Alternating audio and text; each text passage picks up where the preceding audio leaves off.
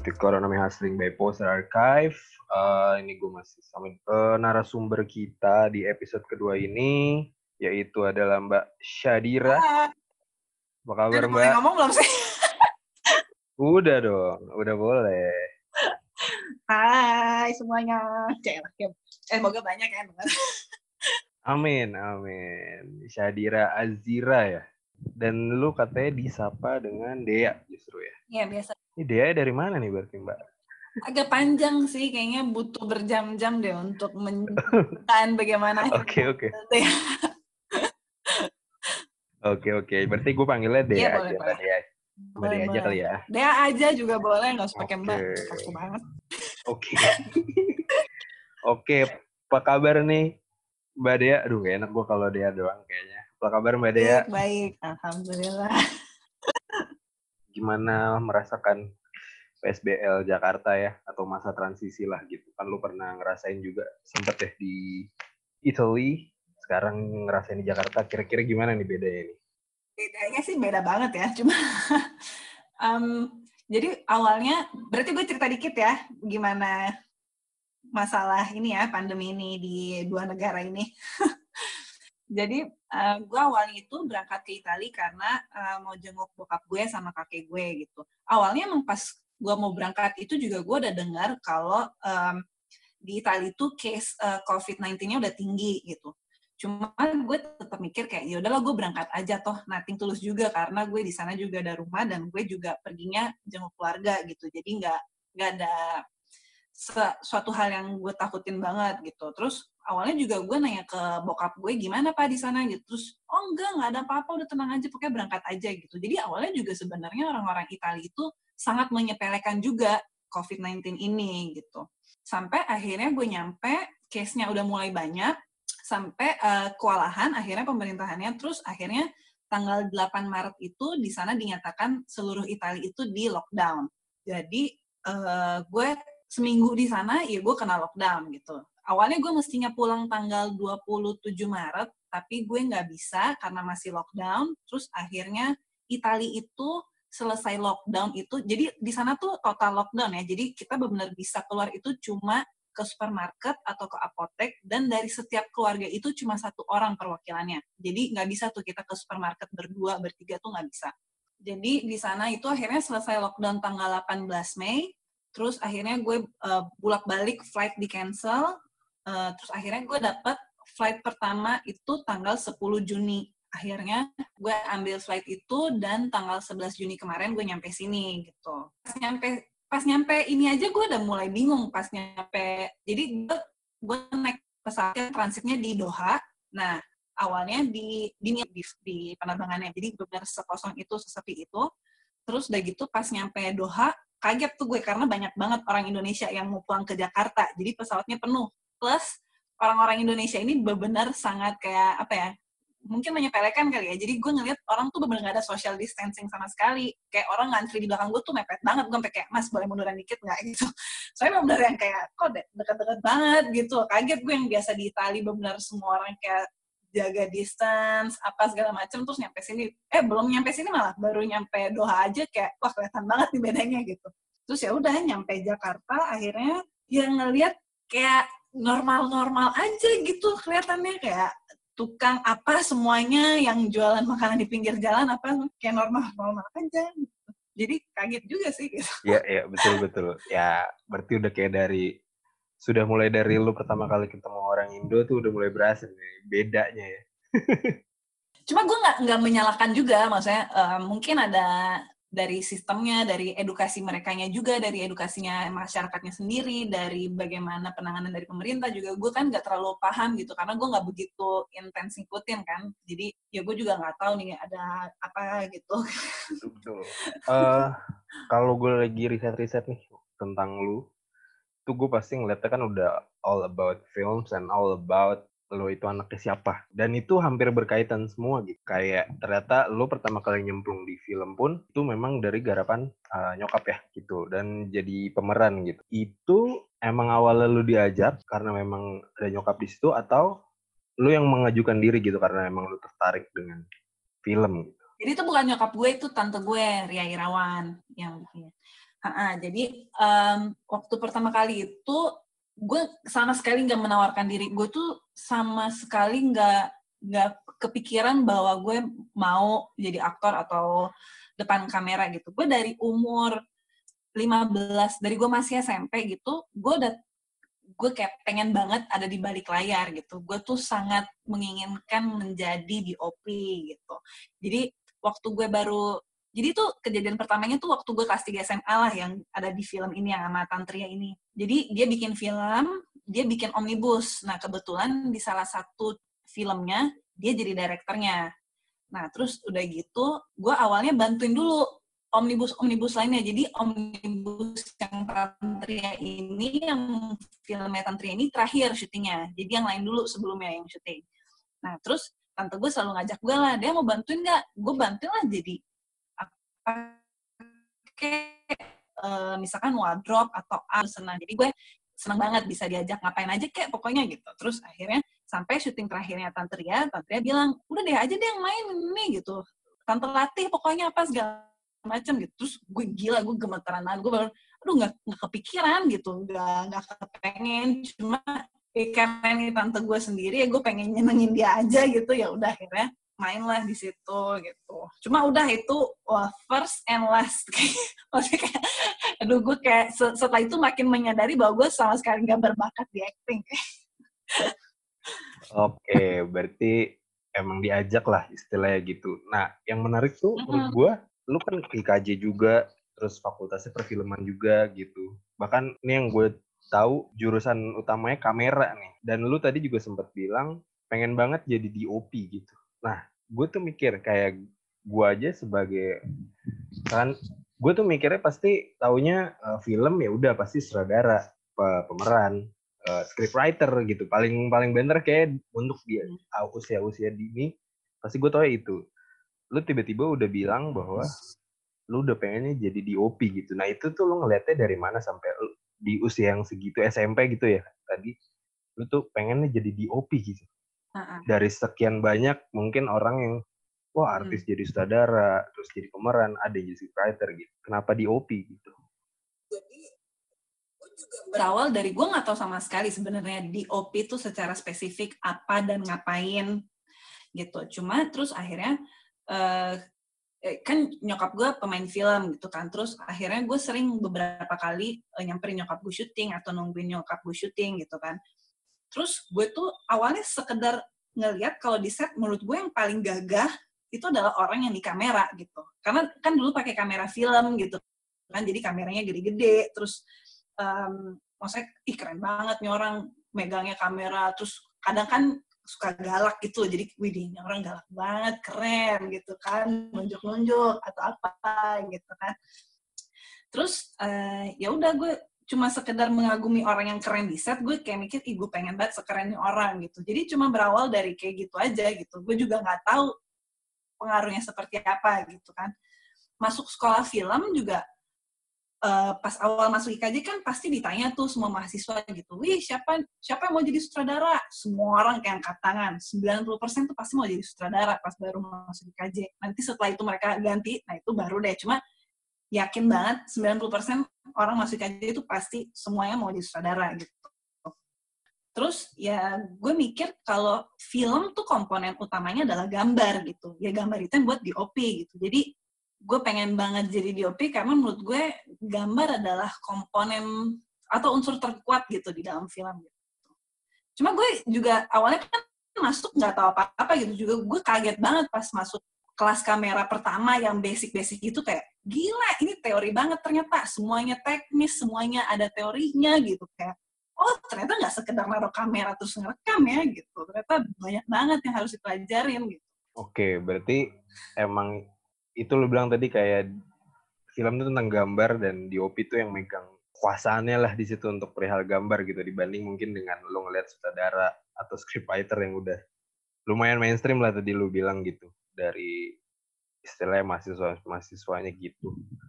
Nah, tadi kan lo sempat mention tentang DOP gitu. Nah, lo bisa menjelaskan nggak secara secara mudahnya lah tentang DOP itu tuh apa?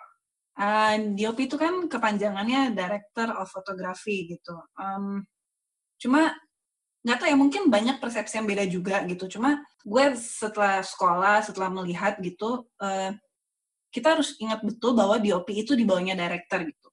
Jadi um, kita sebagai DOP juga harus menurunkan ego gitu kan. Maksudnya uh, kita harus tahu betul apa sih yang mau disampaikan sutradara, apa sih yang sutradara mau kasih lihat, yang mau dibidik, yang mau di frame tuh apa gitu.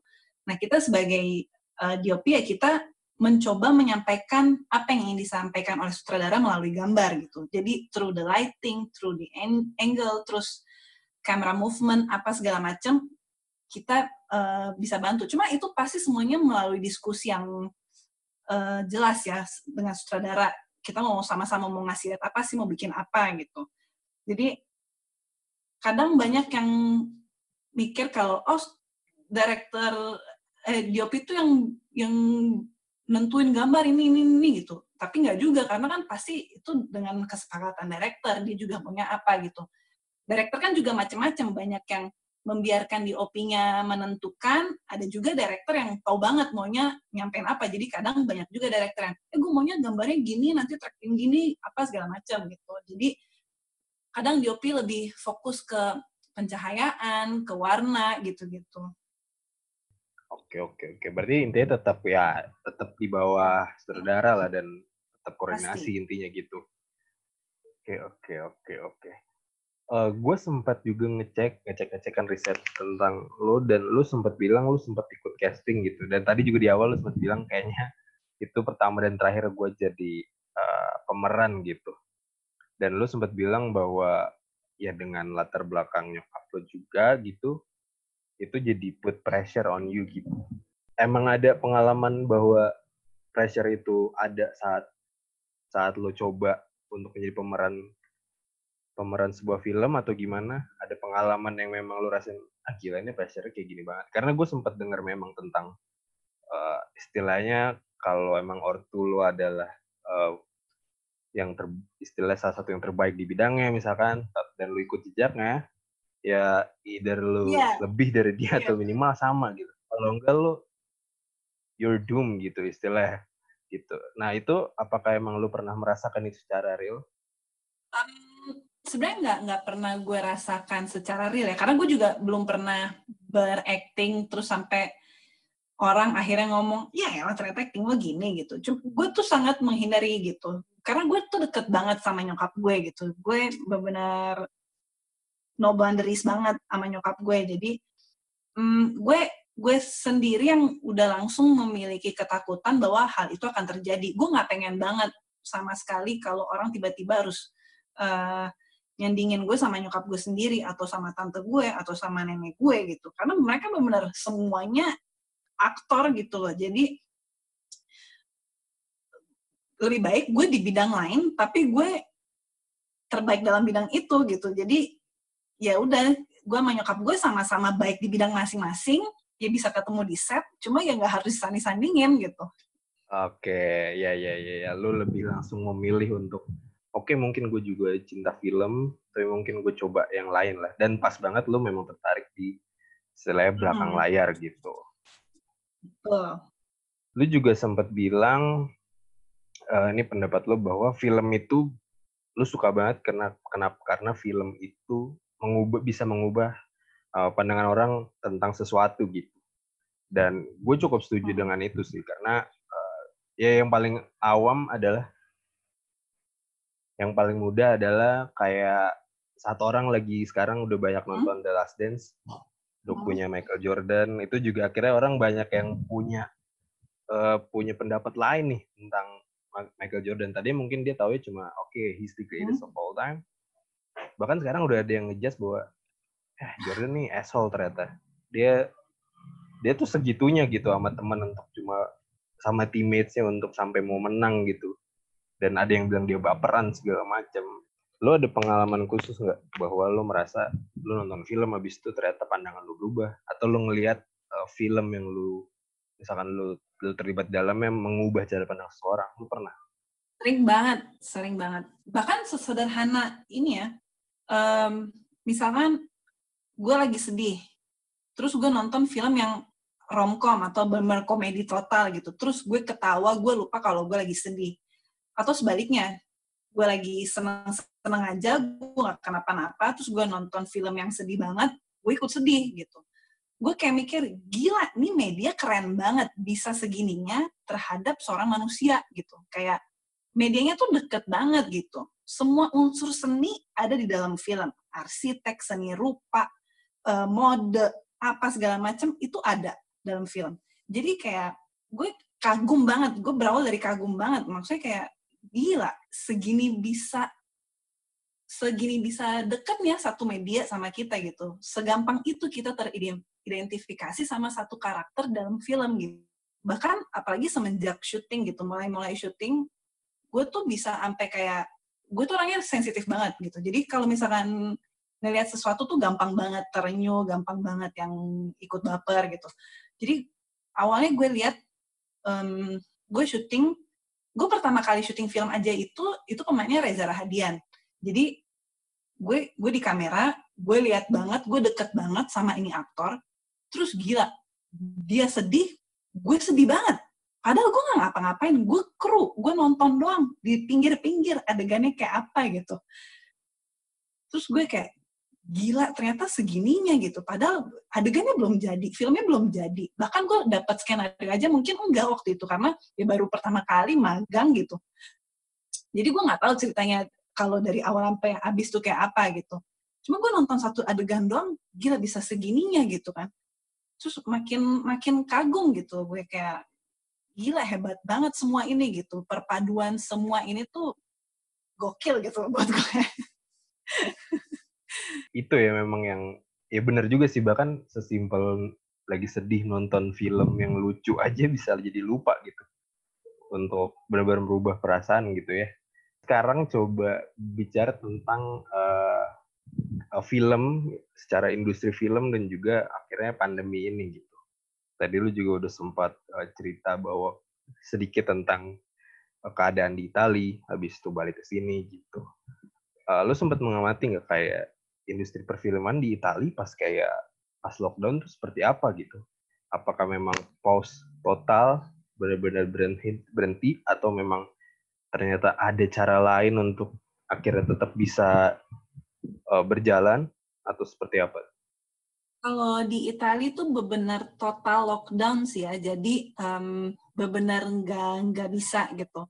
Kecuali uh, ini ya acara berita TV gitu atau benar yang penting banget untuk uh, talk show atau TV yang berbau dengan berita itu bisa tayang dan masih bisa syuting gitu. Cuma untuk film itu benar-benar nggak bisa sama sekali gitu uh, waktu di Italia itu keadaannya. Bahkan waktu gue di sana itu lagi ada kayak piala citranya Italia uh, namanya Davide di Donatello itu kayak penghargaan film tertinggi di Italia itu juga dilakuinnya uh, online apa live gitu jadi di rumah masing-masing pakai Zoom juga terus jadi penghargaannya cuma melalui kayak eh selamat ya gitu. Cuma ya orangnya juga nggak dapet piala. Mungkin pialanya udah dikirimin kali cuma maksudnya benar dibikin live gitu.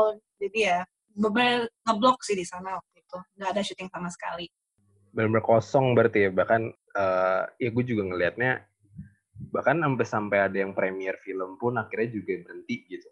Benar-benar ditunda Fast Furious salah satu yang kesukaan gue juga akhirnya ditunda gitu benar-benar dari proses sampai distribusi gitu itu juga benar-benar di, hmm. ditunda berarti ya atau di, di banyak banget film Indonesia juga banyak banget sekarang yang lagi dipospon penayangannya gitu padahal mestinya mungkin tayang dari Maret atau April banyak banget sekarang juga film Indonesia yang belum tayang kan di sini.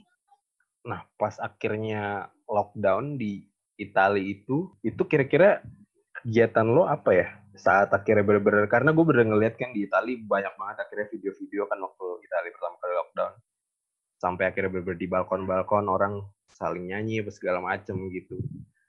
Nah berarti apakah memang akhirnya segabut itu gitu? Dan lo akhirnya nyasetinnya hmm. dengan apa gitu? Ya waktu gue di Italia kan um,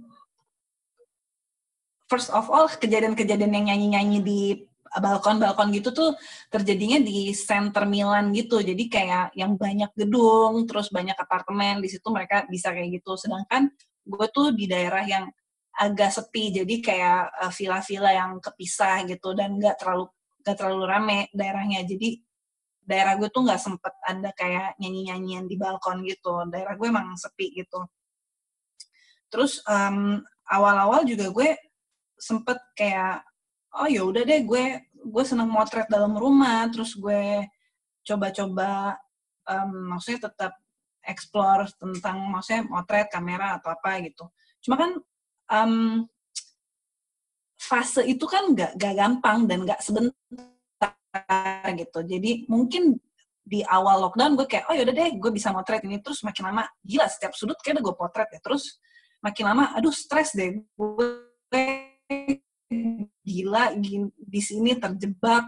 Mungkin kerjanya nangis-nangis setiap malam terus kayak aduh udah nggak tau lagi lah maksudnya gue udah di negara orang udah nggak bisa kerja gitu. Terus ya gue juga berhenti syuting dari awal gue ke Italia pemasukan ya juga nggak ada gitu. Terus um, sebulan dua bulan di situ nggak ngapa-ngapain. Terus akhirnya maksudnya coba explore ke bidang lain misalkan gue coba coba-coba masak bikin kue apa segala macem yang out of the box banget yang mungkin gue dulu nggak pernah kepikiran sampai akhirnya gue bisa mencoba hal-hal baru gitu. Sampai gue saking kayak nyoba misalkan gue coba bikin cookies yang sama sekali gue nggak pernah bikin gue nyoba bikin terus sampai enak gitu. Sampai akhirnya oke okay nih udah ganti menu gitu. Terus ya terus udah malah pas udah akhir-akhir uh, mau pulang mak baru pada kayak eh dia lagi di Italia gitu coba bikin project akhirnya kayak coba bikin syuting-syuting LDR gitu. Jadi gue kayak ambil shot di Italia terus di directnya dari Jakarta lewat Zoom gitu. Ya tetap coba untuk same aja sih karena berat banget ini untuk semua orang gitu kan. Nah btw kalau lu perihal masak-masak tuh juga memang kayaknya itu salah satu hal yang jadi pelarian warga-warga di Indonesia ya minimal Jakarta yang gue lihat karena pasti lu datang ke sini lu mungkin lu ngerasain bahwa banyak temen lu yang akhirnya bikin bikin usaha baru gitu. Wah gila itu. Kerjaan gue juga nyoba nyobain dan udah kitanya lagi nggak kerja terus ya kita juga pengen dukung teman kan. Jadi ya ya udahlah mau gimana. Tetap aja beli beli juga. Bener bener bener yeah. bener. Ya support support juga gitu. Nah tadi lu sempat bicara tentang ya istilahnya nggak ada pendapatan hmm. juga apa gimana gitu terus akhirnya nyambung ke akhirnya lu udah ada salah satu, satu inovasi apa syuting LDR gitu ya nah itu lu bisa jelasin nggak kayak ya teknis sederhananya lah karena sejauh ini uh, gue juga ngelihatnya ya mungkin kalau yang media-media kayak TV udah jelas lah syutingnya tetap tapi social distancing gitu. Cuma kalau yang rumah produksi film kayaknya gue belum lihat hmm. udah ada yang mulai atau enggak gitu. Apalagi di Indonesia sensitif lah mungkin agak agak tetap jalan dikit tapi masih PSBB tuh wah bisa menyebar ke mana-mana tuh gitu nah mungkin lo bisa jelasin perihal uh, virtual, virtual apa nih berarti bilang virtual uh, ya virtual shooting um, gitu. ini juga bukan project yang gimana-gimana atau yang ada budgetnya bahkan. Jadi ini kayak benar-benar kita sama-sama ingin berkarya, terus ya kita mungkin lihat nanti ke depannya akan jadi seperti apa ini gitu. Um, terus kebetulan banget waktu gue terjebak di Italia itu ada Asmara Abigail juga di sana. Jadi kita barengan sama-sama terjebak di Italia gitu. Terus udah gitu akhirnya ada orang yang tahu kalau kita sama-sama terjebak, ya udah dia talent, gue di kamera. Jadi kita disuruh bikinlah adegan-adegan. Jadi kita juga mulai itu maksudnya kita eh, berani iyain terus untuk kayak oh ya udah kita bisa syuting bareng berdua di sini. Itu juga setelah Italia dinyatakan uh, lockdownnya sudah ditiadakan jadi uh, kita bisa keluar bisa ke restoran bisa ke mall bisa ke segala macam tempat terus dia juga udah bisa main ke rumah terus di di rumah di rumah gue di sana juga isinya cuma tiga orang gitu jadi benar-benar nggak rame sama sekali terus gue syuting juga cuma berdua doang bener. Kita bareng-bareng deh wardrobe apa art segala macam berdua doang. Ya udah akhirnya di direct lewat zoom jadi kayak tiap nge-framing harus ngasih lihat ke DP-nya di sini. Jadi uh, pak ini segini ya gitu. Oh ya udah oke okay. sip gitu. Next gitu. Terus syuting adegan oke okay, next gitu gitu jadi benar sesimpel itu sebenarnya.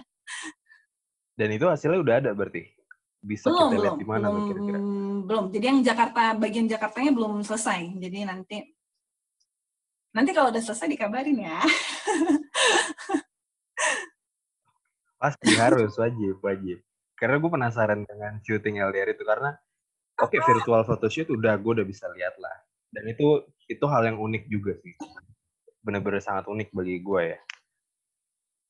Nah ini virtual shooting ini nih yang gue benar-benar uh, gue masih pengen lihat gitu. Bahkan kalau bisa lo bisa share mungkin uh, BTS-nya itu keren banget sih harusnya. Ya coba cari-cari kalau bisa di share behind the scene-nya nanti coba.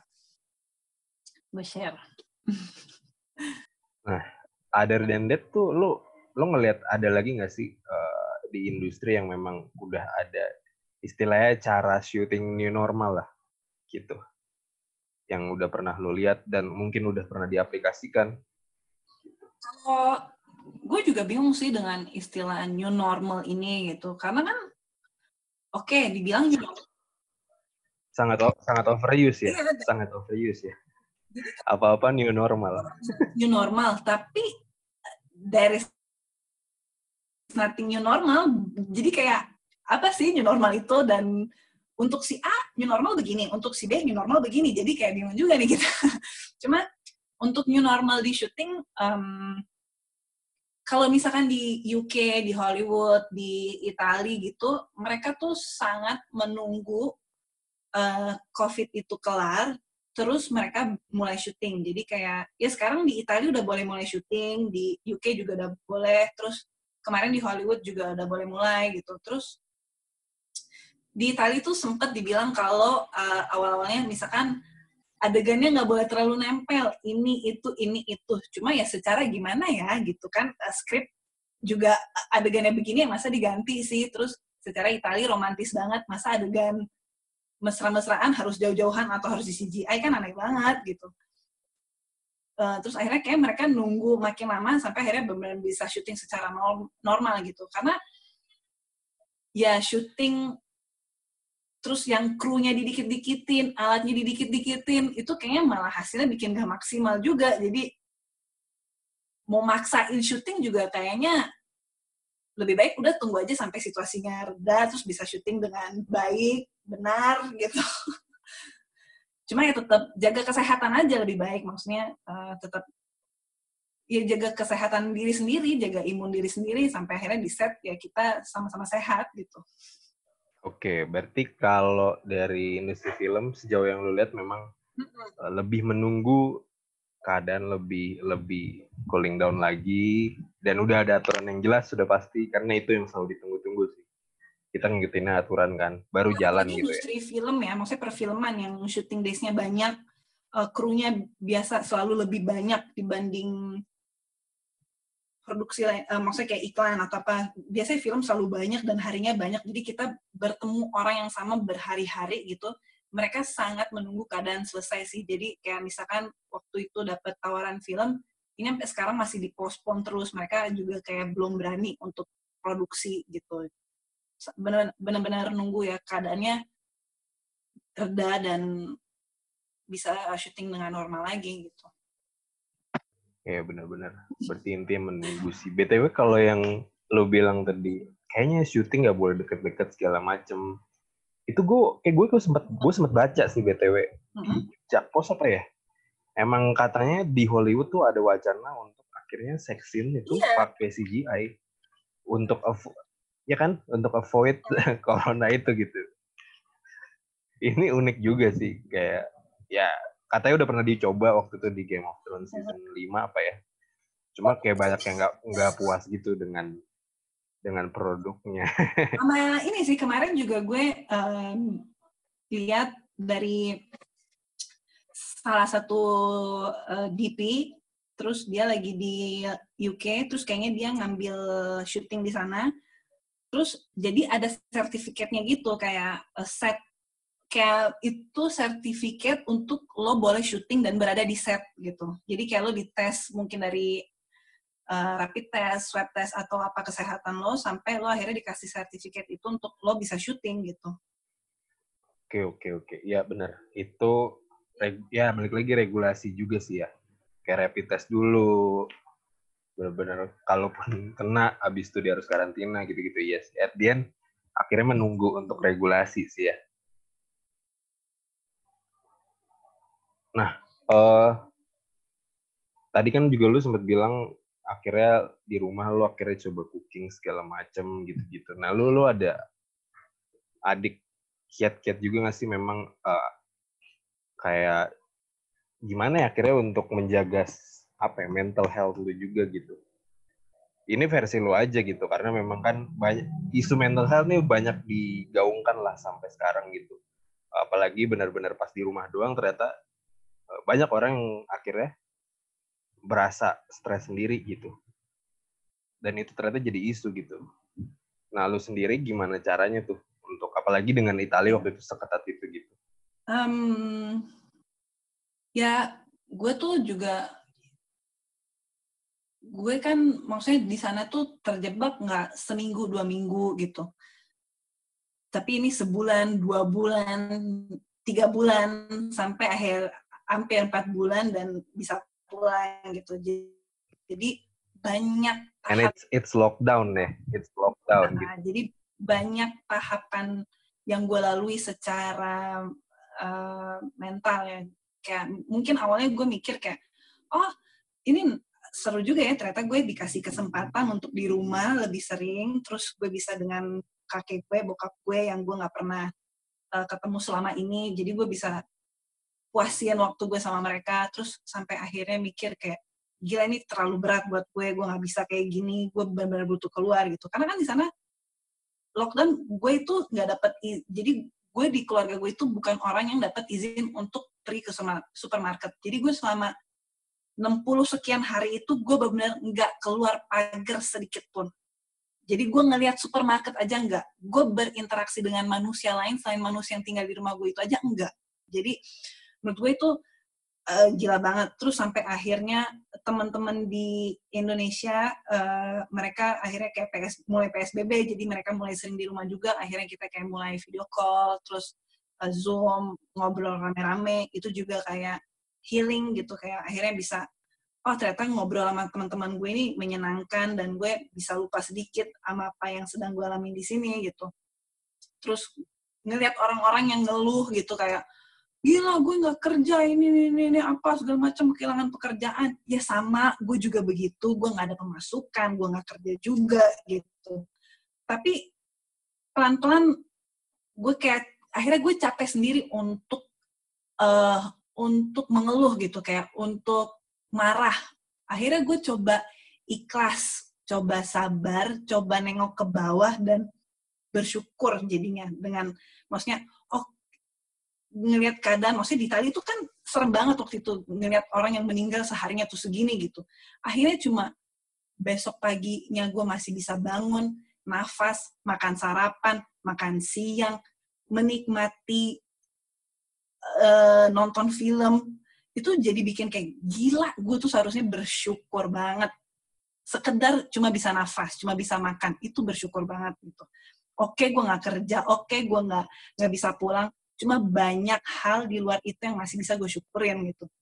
Jadi ya pelan-pelan akhirnya kayak oh ya udah. Akhirnya semakin lama semakin ikhlas semakin sabar gitu. Jadi kayak ya udah akhirnya sampai di titik pasrah gitu. Dan sampai akhirnya jalannya dilancarin sendiri gitu. Akhirnya bisa dapet tiket pulang bisa pulang ketemu nyokap apa segala macam gitu. Jadi sampai capek ya bener-bener dari ngeluh dari biasa aja mungkin ngeluh sampai akhirnya yeah. Udah capek ngeluh itu tuh. Itu udah mau emang banyak sih akhirnya yang kayak gitu kayak ya udahlah kayaknya udah nggak ke mana-mana juga ya udahlah ngapain kayak gitu akhirnya. Nah uh, udah untuk yang akhir-akhir nih gue lebih mau nanya tentang mungkin lu bisa sharing sih lebih uh, tentang ke depannya nih apalagi dengan udah PSBB transisi ini uh, mungkin lu udah ada project-project yang mm-hmm. akhirnya akan lu garap. Atau mungkin lu yang udah mm. mau bikin project lagi dengan dengan siapa gitu project lu sendiri. Atau mungkin udah ada usaha apa yang akhirnya lu bikin dan bisa lu tekuni.